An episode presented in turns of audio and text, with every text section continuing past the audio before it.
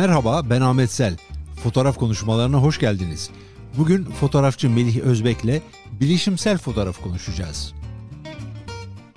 Melih merhaba, nasılsın? Teşekkür ederim Ahmet. Sen nasılsın? Teşekkürler Melih. Fotoğraf dünyasında çok sık konuşulan bir terim var. Bunun üzerine konuşacağız biz de. Bilişimsel fotoğrafçılık. Bunun ne anlama geldiğini ve bize ne gibi faydalar sağlayacağını en iyi sen anlatabilirsin. Çünkü sen hem fotoğrafçısın hem de uzun yıllar yazılımcı olarak çalıştın. Bilişimsel fotoğrafçılık nedir? E, bilişimsel fotoğrafçılık çok yeni bir terim. Belki Türkçesi tam ne olduğunu doğru algılamamızı sağlamıyor olabilir. Computational fotoğrafi İngilizcesi yani computational hesaplanmayla ilgili hesaplanmış anlamına geliyor. Yani fotoğraf oluşurken ya da herhangi bir şey direkt olarak oluşmuyor bir şeylerden hesaplanarak oluşuyor. Birazcık işin içine bilgisayar daha fazla giriyor anlamına geliyor yani. Türkçe'ye bilişimsel fotoğrafçılık olarak çevrilmiş. Bilişimsel fotoğrafın içinde bugüne kadar kullandığımız temel öğelerin yeri ne oluyor? Şimdi şöyle en basit anlamıyla anlatmak gerekirse bilişimsel fotoğrafçılığı fotoğrafın tek ham maddesi ışık. Ben temel fotoğrafçılık derslerinin birincisinde anlatırken söylüyorum işte fotoğraf ışıkla yazmak demek tek ham maddesi ışıktır fotoğrafın diye. Fakat fotoğraf tarihinde ilk defa fotoğrafın ham maddesi ışık dışında başka şeyler de olmaya başladı. İşte ışık dışında topladığı bu veriyi fotoğraf makinesi ya da şu anda daha çok akıllı telefonlarda var bu. Fotoğrafları daha farklı hale getirmek için kullanıyor fotoğraf makinesi. Melih biz klasik fotoğrafçı olarak ışık kullanıyoruz. Bunun yanı sıra iyi bir lensin olmasına çalışıyoruz. İyi bir sensör ya da iyi bir film. Artık bütün bunlar ikinci plana mı atıldı yoksa hala önemlerini koruyan öğeler mi? Çünkü bazen küçük bir cep telefonunun teknik anlamda çok başarılı işler çıkardığını görüyoruz. Şimdi şöyle düşünmek lazım aslında konuyu. Bu computational fotoğrafı ya da bilişimsel fotoğrafçılığın çıkış nedeni aslında daha doğrusu popüler olma nedeni bu kadar çok akıllı telefonlar. Niye akıllı telefonlar? Çünkü akıllı telefonların fotoğraf konusunda bir dezavantajı var. O da biraz önce senin söylediğin gibi iyi fotoğraf çekmek için kaliteli bir sensör, iyi bir objektif. Bunlara ihtiyaç var ve iyi ışık tabii. İyi ışık ekipmana bağlı değil ama sensörü ve objektifleri çok küçük olduğu için telefonlarda boyut olarak küçük tutulması gerektiği için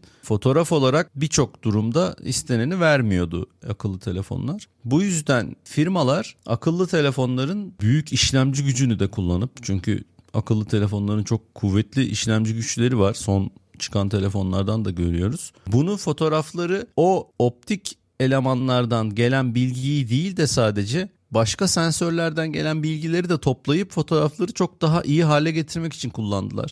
Tabii ki iyi sensör ve iyi objektif her zaman için iyi fotoğraf üretecek ama buna sahip olmayan akıllı telefonlar onlarla rekabet edecek düzeyde fotoğraflar üretmeye başladılar son yıllarda. Yani bu yüzden zaten giderek çok e, adını duymaya başladık bilişimsel fotoğrafçılığın. Eskiden diyorduk ki hayır asla telefonlar fotoğraf makinelerinin yerini tutamaz böyle bir şey mümkün değil. Çünkü fizik kuralları var. Fakat fotoğraf makinesi firmaları daha doğrusu akıllı telefon üreticileri buna değişik çareler bulmaya başladılar. Mesela biraz önce dedim ki ışık dışında başka ham maddeler de girmeye başladı fotoğrafın içine. Mesela bunu ilk 2016 idi yanılmıyorsam. Apple'ın çıkardığı bir telefonda gördük. E, portre modu diye bir şey çıktı. Şu anda akıllı telefonlarda en çok sevilen etkilerden bir tanesi portre modu. Niye? Çünkü akıllı telefonların hem sensör boyutu hem üzerindeki objektif alan derinliğini çok dar yapma yeteneğine sahip değiller. Yani önde portre arkası acayip bulanık fotoğraflar çekmek mümkün değil o telefonlarla. Fakat çok inovatif bir şey yaptılar. İki mercek kullandılar fotoğraf e, makinesinde. Yani akıllı telefonlarda aslında iki tane fotoğraf makinesi var. iki tane objektif, iki tane sensör. Aynı gözümüz gibi fotoğrafı çekerken bu iki mercekten gelen bilgiyi kullanıp fotoğrafın derinliğini hesapladılar. Yani bu ilk defa olan bir şey tüketicinin eline geçen bir fotoğraf makinesinde. Böylece fotoğraf makinesi artık cisimlerin ne kadar uzakta olduğunu bilir hale geldi eski fotoğraf makinelerini yani eski dediğim şu anda kullandığımız fotoğraf makineleri onlarda böyle bir bilgi yok. Onlar sadece gelen ışığı fotoğrafa çeviriyordu. Ama şu anda ışık artı derinlik bilgisi işin içine girdi. Böylece hiçbir zaman fiziksel olarak mümkün olmayacak bir şey o küçücük telefonların ufacık objektifleriyle mümkün hale geldi. E şu anda tam çok mükemmel mi? İşte ışık ya da çektiğiniz konuya göre evet çok harika ve mükemmel bir optik bir işte objektifin açık diyaframlı bir objektifin verdiği sonuçları henüz vermiyor ama bundan 3 sene önce çok daha kötü durumdaydı. Bugün çok daha iyi durumda. Demek ki bundan 3 sene sonra çok çok daha iyi durumda olacak. O yüzden biraz taraflı cevap vermeye çalışıyorum ama konuştukça da yani evet bir süre sonra işlemcinin yaptığı işler sensörün ve objektifin optik karakteristiklerinin biraz önüne geçmeye başlayacak gibi görünüyor. Yani şöyle bir şey bekleyebilir miyiz? Fotoğraf makinelerinde bugüne kadar kullandığımız lenslerin sonuna geldik. Makineler tümüyle biçim değiştirecek. Açıkçası fotoğrafları optik zoom'dan daha kaliteli büyütebilen bir teknoloji çıkmadı. Yani işte telefon firmaları 100 kat zoom yapıyoruz ve muhteşem hiç ayırt edilmiyor falan filan diyor ama tabii şu anda daha ondan çok uzağız ama yakında göreceğimizi düşünüyorum ben. E şimdi tabii aslında bu sadece fotoğraf makinelerinin optik özelliklerine bakmıyor. Aynı zamanda işlemcilerin de gelişmesine bakıyor. Zaten şu andaki bütün bu yaptığımız konuşma aslında yani bilişimsel fotoğrafçılığın yayılmasının nedeni aslında fotoğraf makinelerinin ya da şu anda daha yaygın olarak kullanılan akıllı telefonların işlemcilerinin çok güçlenmiş olması. Yoksa bilişimsel fotoğrafçılık teknikleri bazıları zaten kullanılıyor hali hazırda. Uzun zamandır da kullanılıyor bazıları. Ama bunların kullanımı deklanşöre basıp fotoğrafa bakmak şeklinde olmuyor bir takım fotoğraflar çekip onları bilgisayara yükleyip bir takım işlemlerden geçirip bazen saatler süren beklemeler sonucu elde edilen işlemler. Ama şu anda bunların birçoğu bu büyük işlemci gücünün artışı sayesinde deklanşöre basıyorsunuz bir saniye sonra fotoğrafı görüyorsunuz haline geldi. O yüzden bu kadar gelişti bu. Onun için ileride evet optik olarak objektif tasarımları değişmeyecek belki ki umuyoruz inşallah değişir ve çok yüksek zoom objektifleri, odak uzaklığı çok büyük objektifleri kolumuza takıp elimizde saatlerce fotoğraf çekecek hale getirirler. Ama işte gelişimine bakarsanız objektiflerin son 50 yılda bu gelişmeyi pek göremedik fotoğraf makinesi firmalarından. Ama şöyle şeyler oluyor. Bu işlemci güçlerinin artmasıyla fotoğraf makineleri daha hızlı işlem yapabiliyorlar. Mesela bilişimsel fotoğrafçılıkla çok ilgili değil konu ama belki bir takım objektifler çıktı yeni sabit diyaframlı f11 diyaframı olan teleobjektifler çıktı. İşte 800 mm f11 mesela. E şimdi bu çok küçük bir objektif ve omzunuza takıp ayakta yürüyüp gezip elinizde tripod ya da monopod olmadan fotoğraf çekebileceğiniz objektifler. Bunun nedeni ne? Çünkü artık fotoğraf makineleri çok az ışıkla yani f11 diyaframdan geçen ışıkla netleyebilme yeteneğine kavuştu. Hani belki objektiflerin boyutları küçülmeyecek bu sayede ama işlemci gücünün artması yüzünden eskiden yapamadığımız bir takım şeyleri yeni teknolojilerle yapıyor hale geleceğiz. Mesela bu sene çıkan telefonlarda derinlik algılama teknolojisini değiştirdi Apple. Ne yaptı? Bir tane sensör koydu lidar diye. Lidar sensörü aslında adını çok duyduk bundan önce. Çünkü otonom arabalarda yani kendi kendine giden arabalarda etrafı algılayabilmek için kullanılan lazer temelli bir algılayıcı bu. Sizin etraftaki cisimlerin uzaklığını anlamanızı sağlıyor. Şimdi bunu fotoğraf makinesine koymak kolay aslında. Koyabilirsiniz yani böyle bir şeyi. E şimdi böyle bir bilgiyi fotoğraf makinesine verirseniz yani çektiğin şey 50 santim onun arkasındaki ağaç 3 metre uzakta onun arkasındaki araba da sana 20 metre uzakta bilgisini bildiği zaman fotoğraf makinesi siz bunu fotoğraf olarak kaydetmeden önce istediğiniz işlemi yapabiliyorsunuz artı derinlik bilgisini de fotoğrafa kaydedebiliyorsunuz. Mesela sen portre fotoğrafçısın portreyi çekip portrenin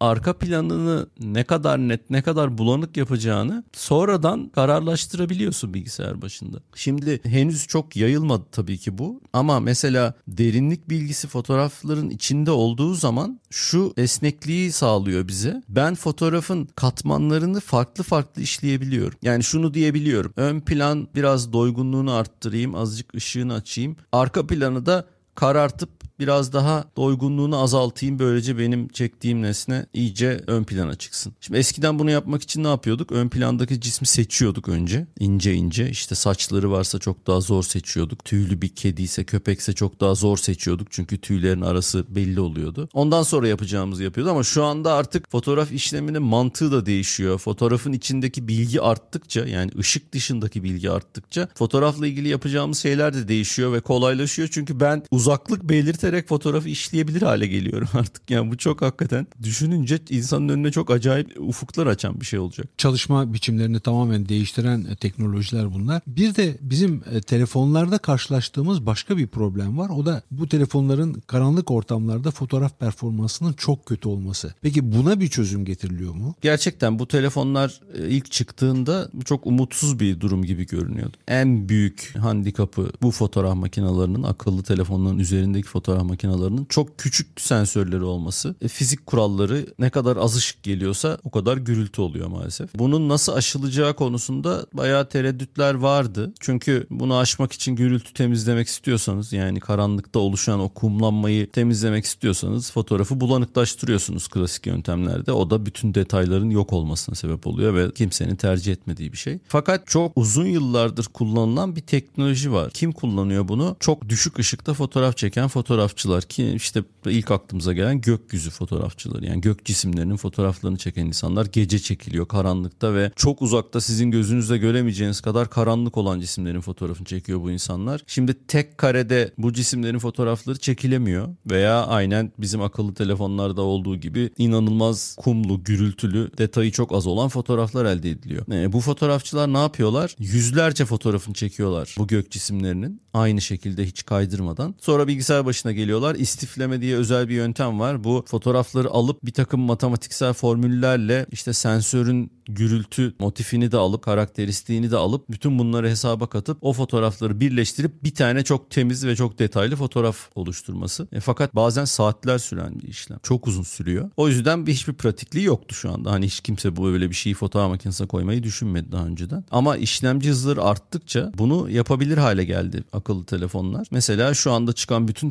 telefonlarda neredeyse gece modu diye bir mod var. Ne yapıyor bu mod? Siz de ekran şöyle basıyorsunuz ama bir tane fotoğraf çekmiyor. Bir sürü fotoğraf çekiyor. Sizin fotoğrafı tuttuğunuz sahneye göre 10-15 fotoğraf çekiyor. Bu fotoğrafları aynen biraz önce anlattığım gökyüzü fotoğrafçılarının yaptığı gibi istifliyor. Böylece çok daha temiz ve çok daha detaylı bir fotoğraf elde etmiş oluyor. Tabii e, ödememiz gereken bedel ne? Hani hiçbir şey bedava değil. Çok hareketli sahnelerin fotoğrafını çekemiyorsunuz böyle. Yani uçan bir kuşu gece böyle çekeyim de isterseniz başarısız olacaksınız. Çünkü arka arkaya 10 tane 15 tane fotoğraf çekerken her şeyin aynı yerde olması gerekiyor. Ama bir telefon kullanıcısının çektiği fotoğrafların çoğu o kadar hareketli şeylerin fotoğrafları olmadığı için e, şu anda çok işe yarayan bir teknoloji bu. Ve e, biraz önce senin de dediğin gibi şu anda telefonlarda olan birçok teknolojiyi biz çok kısa bir sürede çok büyük ihtimalle yani bir süre sonra fotoğraf makinalarında da işte aynasız makinalarda da görmeye başlayacağız. Ben eskiden bana fotoğraf makinesi soran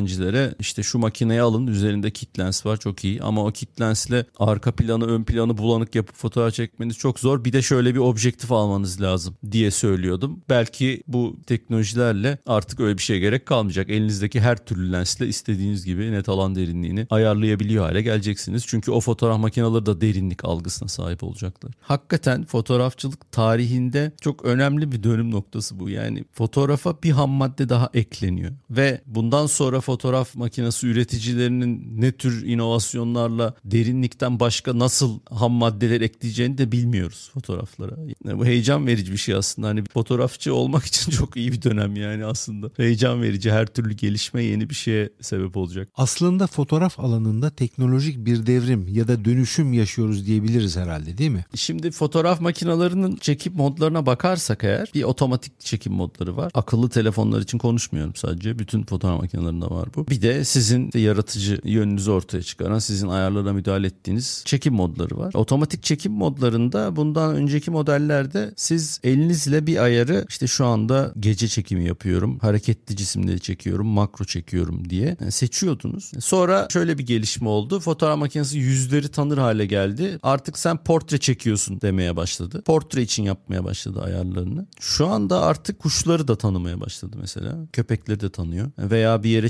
çeviriyorsunuz. Diyor ki manzara çekiyorsun sen şu anda. Giderek fotoğraf makinesi makinayı nereye doğru tuttuğunuzu da bilmeye başladı. Eskiden fotoğraf makinesi bir tane karanlık kutuydu sadece. Siz bir yere doğru çeviriyordunuz. İçerine ışık girdiği zaman fotoğraf oluşuyordu. Fotoğraf makinesinin başka bir katkısı yoktu oluşan fotoğrafa. Siz ayarları yapıyordunuz. Sonra işte otomatik netleme geldi. Otomatik ışık ölçüm geldi. Şimdi de otomatik sahne tanıma geldi. Buna belki burun kıvıran birçok fotoğrafçı olabilir. Yani sahneyi tanısan olacak, tanımasan olacak. Ben yapıyorum ayarları diye. Ama fotoğrafı yeni öğrenen insanlar için veya vakti olmayan bir an fotoğrafı kovalayan birisi için yani ben bir etkinlik fotoğrafı çekiyorum veya işte düğün hikayesi çekiyorum. Bir tarafta gelini çekerken gün batımına karşı gelin damat fotoğrafı çekerken arkada bir bakıyorum ki işte gelinin annesiyle damadın annesi çok duygusal böyle bir poz vermişler. Dönüp onları çekmeye kalkıyorum. Şimdi arada ayar yapacak zaman yok. Ya ayar yapsam kaçacak o sahne. Çok alakasız bir ışıktan tamamen farklı bir ışığa doğru dönüyorum. Şimdi o sırada fotoğraf makinesi bana ne kadar yardım ederse benim için o kadar iyi. Eğer fotoğraf makinesi o ışık değişimini doğru anlar ben o sırada portre çekiyorum. Biraz önceki daha geniş manzaraydı. Halbuki şimdi iki kişinin fotoğrafı bunları ne kadar anlayıp da bana yardım ederse ben o fotoğrafları o kadar doğru çekebileceğim. Buradaki teknolojik gelişmelere şöyle bakmak lazım. Yani siz keyif için fotoğraf çekiyorsanız zaten onları kapatıp da çekersiniz normal manuel ayarda fotoğraflarınızı. Burada bir kaybettiğimiz bir şey yok yani. Ama buna ihtiyacı olan fotoğrafçıların elinde böyle bir şey olması onların eskiden kaçırabilecekleri bir takım çok önemli fotoğrafları şu anda yakalayıp çekebilmelerini sağlayacak gelişmeler. Bu gözle bakmak lazım. Şimdi Melih bir de e, çekilen fotoğraflar hakikaten senin anlattığın teknolojilerin kullanılması sayesinde o kadar iyi görünüyor ki artık fotoğraf makinesi üreten firmalarda bir yarış içine girdiler ve devamlı bu iyi ya da çok iyi fotoğrafların da üzerine çıkmaya çalışıyorlar. İlk telefonlar fotoğraf çekmeye başladığında şey söylenmişti. Tamam artık tut çek point and shoot en küçük fotoğraf makinesi segmenti öldü artık dendi. Evet hakikaten de öyle oldu yani şu anda hiçbir fotoğraf makinesi firması o tür fotoğraf makineleri üretmiyor. Artık fotoğraf makineleri kendilerine rakip olarak performansları giderek artan cep telefonlarını görüyor ve onların üzerine çıkmaya çalışıyor diyebilir miyiz? Fotoğraf makinesi firmaları üst segment makinalarını da telefonların üzerine çıkartmaya çalışıyor. Aslında çok enteresan çünkü biz bu konuşmayı yapmamızdan iki gün önce Sony yeni makinesini duyurdu. Alpha 1 diye. Yani inanılmaz özelliklere sahip işte 50 megapiksel saniyede 30 kare fotoğraf çekebiliyor. 8K video çekiyor falan. Yani böyle hani kağıt üzerinde nasıl bir fotoğraf makinesi istiyorsunuz? En büyük özellikleri ne olsun fotoğraf makinesi diye yazsanız bunları yazarsınız zaten. Tabii bütün web siteleri hemen ön incelemeye geçtiler. Özelliklerini tartıştılar falan. Bir tane web sitesinde ilginç bir şey gördüm. Tam bu senin sorduğun soruyu aslında tarif ediyor. Özelliklerini yazmış sonra sonuç paragrafı var bir tane. Tabii fotoğraf makinesi firmaları diyor artık telefonların ürettiği fotoğrafların kalitesinin üzerine çıkmaya çalıştığı için inanılmaz teknik özelliklere yönelmiş durumdalar diyor. Yani hani şey demek istiyor. Artık son kullanıcıyı tatmin edecek kaliteye geldi telefonların fotoğraf kalitesi. Bunların üzerinde telefonların yapamayacağı şeyleri yapmaya çalışıyor fotoğraf makinesi firmaları dediler. Onun için hakikaten cep telefonlarının fotoğraf kalitesi son yıllarda çok gerçekten gelişti. Üstelik optik zoom da koydular şimdi. Hani zoom da yapabiliyor fotoğraf makineleri. Çarpı 10 zoom yapıyor akıllı telefonlar bazıları. Bazıları çarpı 5 yapıyor. Ama giderek gelişecek bu. Belli ki artık insanların boyut beklentisi de biraz büyüdü. Çünkü şu andaki telefonlara bakarsanız neredeyse kompakt makineden daha büyükler yani. Ama insanlar onu alıp gayet güzel ceplerine koyup kullanıyorlar. Böyle de yavaş yavaş buna da alıştırdılar. Bir sonraki adım üstüne biraz daha kaliteli bir objektif, azıcık daha büyük sensör koyup bazı fotoğraf makinesi sınıflarını hakikaten silmek. Akıllı telefonların üstündeki fotoğraf makinelerinin sonunda bence gideceği nokta bu olacak. Yani onların sürekli yanımızda duruyor olması, işte bu bilişimsel fotoğrafçılığın giderek hızlanması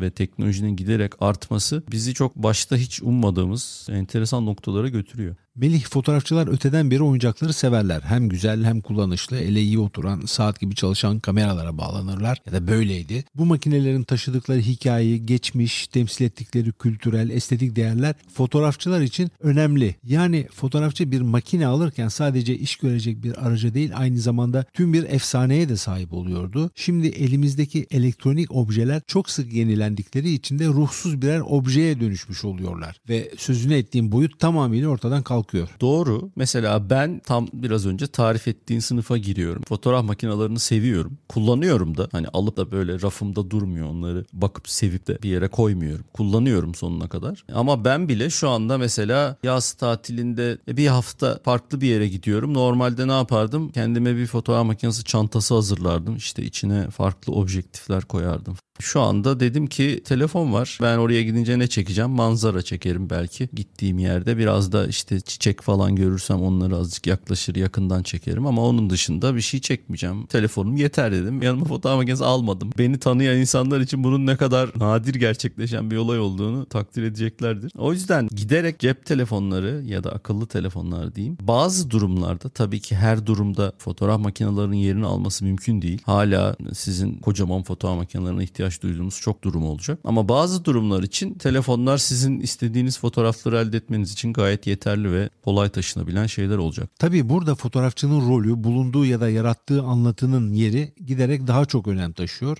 ve teknik kaygıları bir kenara bırakıp anlatmak istediği şeye ya da göstermek istediği duruma daha iyi odaklanmasını sağlıyor. Yani bilişimsel fotoğraf dediğimiz teknolojinin sağladığı kolaylıklardan sonra fotoğrafçının yerini bir daha tarif etmek gerekmiyor mu? Bütün konuşmaların sonu zaten buraya bağlanıyor. Yani konu fotoğraf teknolojisi zaten başka bir yere bağlanması mümkün değil. Yani e peki biz ne yapacağız? Hani fotoğraf makinesini çevirdik bir yere manzara görüyor. Manzara olduğunu anlıyor. Suya çeviriyorum diyor ki işte bunu düşük pozlamayla enstantaneyle çek böylece tül gibi olsun. Portreye çeviriyorum arkayı bulanık yapıyorum tamam mı diyor falan. Ben ne olacağım yani fotoğrafçı ne olacak? Ben o kadar fotoğraf öğrendim. Gidip yoldan geçen bir tane adam eline makine alıp benim çektiğim gibi şeyleri çekebilecek mi? Benim bugün çektiğim gibi şeyleri evet çekebilecek. Eğer mesele arkayı bulanık yapmak, su görünce enstantaneyi uzatıp o tül görüntüsünü sağlamaksa iş, teknik bilgi ise yani evet onları sağlayacak. Ama senin de söylediğin gibi estetik ve hikaye fotoğrafçıya ait özellikler. Onlar hep bana ait olarak kalacak. O yüzden artık önemli olan şey mesela uçan bir kuşun çok net fotoğrafını çekmek olmayacak. Çünkü bunu herkes çekecek. Çünkü yeni makinalarda görüyoruz. Zaten makineyi kuşa doğru tutuyorsunuz. Kuşun gözünü tanıyıp netliyor onu. Sizin hiç, hiçbir şey yapmanıza gerek yok yani. Artık önemli olan o fotoğrafı çekmek olmayacak. Bir sürü fotoğraf olacak öyle. Artık o değerini kaybedecek o fotoğraf. Esas olan fotoğrafın gerçek anlamı yani eğer fotoğrafı bir sanat olarak kabul ediyorsak o bir ifade şekli. İş buna gelecek ve fotoğraflarınızın bir hikaye anlatması, bir duyguyu taşıması beklenecek. Bunu yapan insanların çektiği fotoğraflar o zaman çok beğenilecek. Hani bugün çok net uçan kuş fotoğrafı wow ne biçim çekmiş diye beğeniliyorken artık bu o fotoğraflar bunu ben de çektim dün telefonumla haline gelip esas estetik ve hikaye kısmı kuvvetli olan fotoğraflar ön plana çıkacak. İşin teknik kısmı bizim üstümüzden gidiyor artık. Onun kaçarı yok. Eskiden çok iyi teknik bilen adam iyi fotoğraf çekiyordu. Şu anda artık o çizgi yavaş yavaş bulanıklaşıyor. Bir süre sonra da kaybolacak. Yani siz hiçbir şey bilmeden teknikle ilgili sırf nasıl hissediyorsunuz, nasıl düşünüyorsunuz, o fotoğrafı nasıl hayal ediyorsunuz onu düşünüp fotoğrafı çekebilir hale geleceksiniz. Tabi bu söylediğim en üst teknolojik seviye. Hani hayal ettiğim fotoğrafı anlayıp çekebilen bir fotoğraf makinesi olursa tabii. Melih bu gelişmeler fotoğrafı teknik bir iş, bir zanaat gibi gören fotoğrafçılarla hikaye anlatan fotoğrafçıları bir birbirlerinden daha çok ayıracak. Bir teknoloji belli insanların elinde değil de herkesin elinde olduğu zaman şu andaki mevcut dağılım neyse aslında o dağılım yine olacak. Yani çıta yükselmiş olacak sadece. Önemli olan profesyonel fotoğrafçılar veya sonuçtan memnun olan fotoğrafçıların elde ettiği kazanç. Bu çok önemli bir şey. Yani siz eskiden bir fotoğrafı çekerken çok bilgi birikimine bir takım teknolojik şeylere hakim olmaya ihtiyacınız varken artık sadece çekmek istediğiniz fotoğrafa odaklanıyorsunuz odaklanmanız gerekecek. Sizin önemli olan kafanızdaki kurduğunuz fotoğraf olacak. O fotoğrafa ulaşmak için gerekli bilgi zaten fotoğraf makinesinin içinde gömülü hale gelecek. Melih edindiğimiz alışkanlıklardan kurtulmak aslında çok kolay olmuyor. O konforu terk etmemek için de bir direnç gösteriyoruz doğal olarak. Hep şöyle oluyor. Teknik gelişmeler her zaman önce bir dirençle karşılaşıyor. Yani bu filmden dijitale geçerken de böyle oldu. Ama sonra onun sağladığı o kolaylık bir süre sonra insanları kendine çekiyor zaten otomatik olarak. Bu tür gelişmeler fotoğrafçının o fotoğrafı planlamasının sürecini değiştirecek şeyler. Yani artık fotoğrafçı bir takım teknik konularla uğraşacağına kadrajı nasıl yapacak, hangi duyguyu vermek istiyor, o hikayeyi nasıl anlatacak bunlara daha fazla konsantre olabilecek. Benim bütün teknolojik gelişmelere zaten bakışım bu. O yüzden fotoğraf makinesi ne kadar elimden benim teknik angarya işleri alırsa o kadar iyi. Tabii bazı fotoğrafçılar için de o teknik beceri, makineyi kullanma becerisini göstermek önemli. On, onlar için biraz kötü haber verebilirim yani bu durumda. Çünkü evet yine teknik bilgileri iyi olacak. Çünkü yani bunların da bir kullanma şekli olacak sonuçta. Bu aynı karanlık oda ustalarının photoshopçularla karşılaşması gibi olacak yani. Şimdi karanlık odada çok el becerisine dayanan hakikaten zor bir takım işleri yapabilen insanlar vardı. E Photoshop çıktı. O işleri bilgisayarda iki tıkla yapan bir takım insanlar türedi yani. O bilgilerini dijitale transfer edebilenler devam ettiler. Edemeyenler sahneden çekilmek zorunda kaldılar veya yeni teknolojileri kötüleme yoluna gittiler yani. Çünkü şu an bir sürü görebilirsiniz hani dijital teknolojilerin ne kadar aslında sahte olduğu, kötü olduğu, fotoğrafçıların ona bağlı olduğu, halbuki onun fotoğrafı olmadığı falan gibi şeyleri görüyoruz. Biraz da bunun etkisi var yani. Bu çok uzun sürede kazanılmış bir dönem çok size ayrıcalık sağlayan şeylerin teknolojik gelişmelerle elinizden gitmesinin getirdiği bir psikoloji bu yani. Melih bu söyleşiye katıldığın için çok teşekkür ederim. Hakikaten çok aydınlatıcı bilgiler verdin. Benim için de çok keyifli oldu. İnşallah dinleyenler de aynı e, duyguları paylaşır. Teşekkürler. Görüşmek üzere. Çok sağ ol. Hoşçakal. Bugün fotoğrafçı Melih Özbek ile bilişimsel fotoğrafı konuştuk. Yeni teknolojilerin fotoğraf pratiğini nasıl etkilediğinden söz ettik. Bu yayını dinlediğiniz platforma yorum bırakabilir. Bunun yanı sıra yayının kendi internet sitesi olan fotoğrafkonuşmaları.com adresine gidip abone olabilirsiniz. Önümüzdeki pazar görüşmek üzere. Hoşçakalın.